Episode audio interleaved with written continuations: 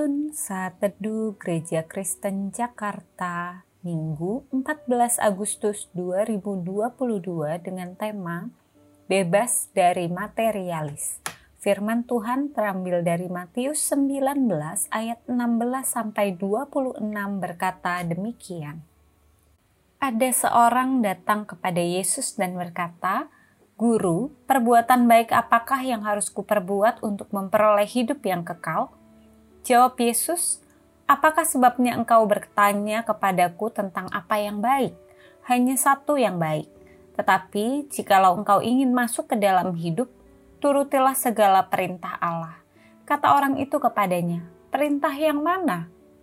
Kata Yesus, jangan membunuh, jangan berzina, jangan mencuri, jangan mengucapkan saksi dusta, hormati ayahmu dan ibumu, dan kasihilah sesamamu manusia seperti dirimu sendiri. Kata orang muda itu kepadanya, semuanya itu telah kuturuti, apalagi yang masih kurang. Kata Yesus kepadanya, jikalau engkau hendak sempurna, pergilah, jualah segala milikmu dan berikanlah itu kepada orang-orang miskin, maka engkau akan beroleh harta di surga.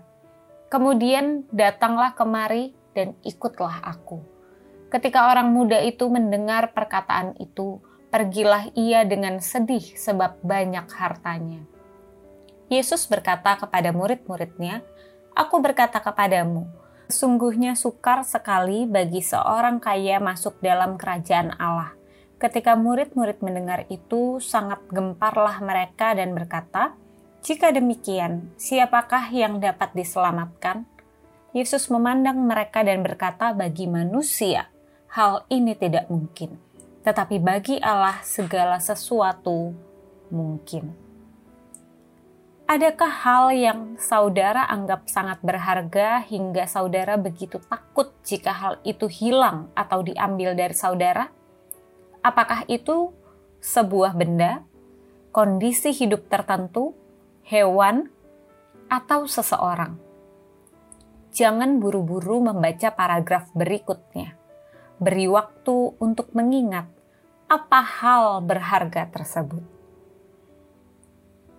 Jika hari ini Tuhan meminta saudara menyerahkan hal tersebut kepadanya dan mengikut Dia, apa jawab saudara?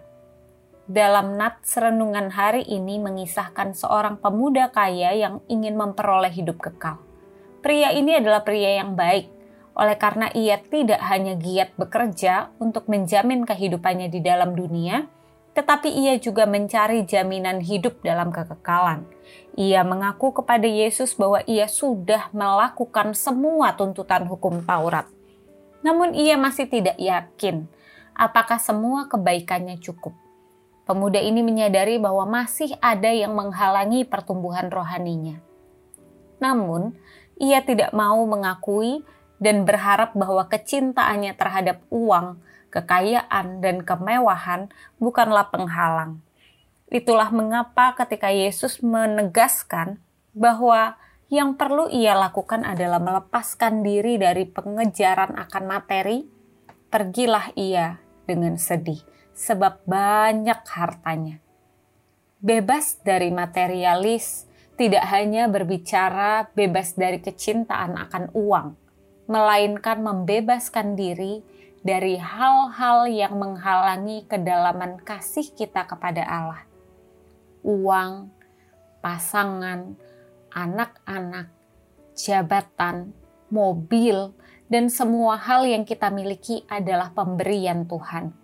Untuk itu, mari belajar melihat Tuhan sebagai Sang Pemberi yang utama, dan materi di sekitar kita sebagai berkat pelengkap, bukan melakukan yang sebaliknya.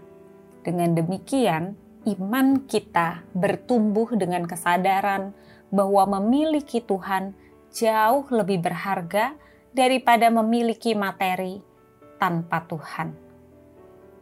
Siapa kita adalah pemberian Tuhan kepada kita. Menjadi apa kita adalah pemberian kita kepada Tuhan.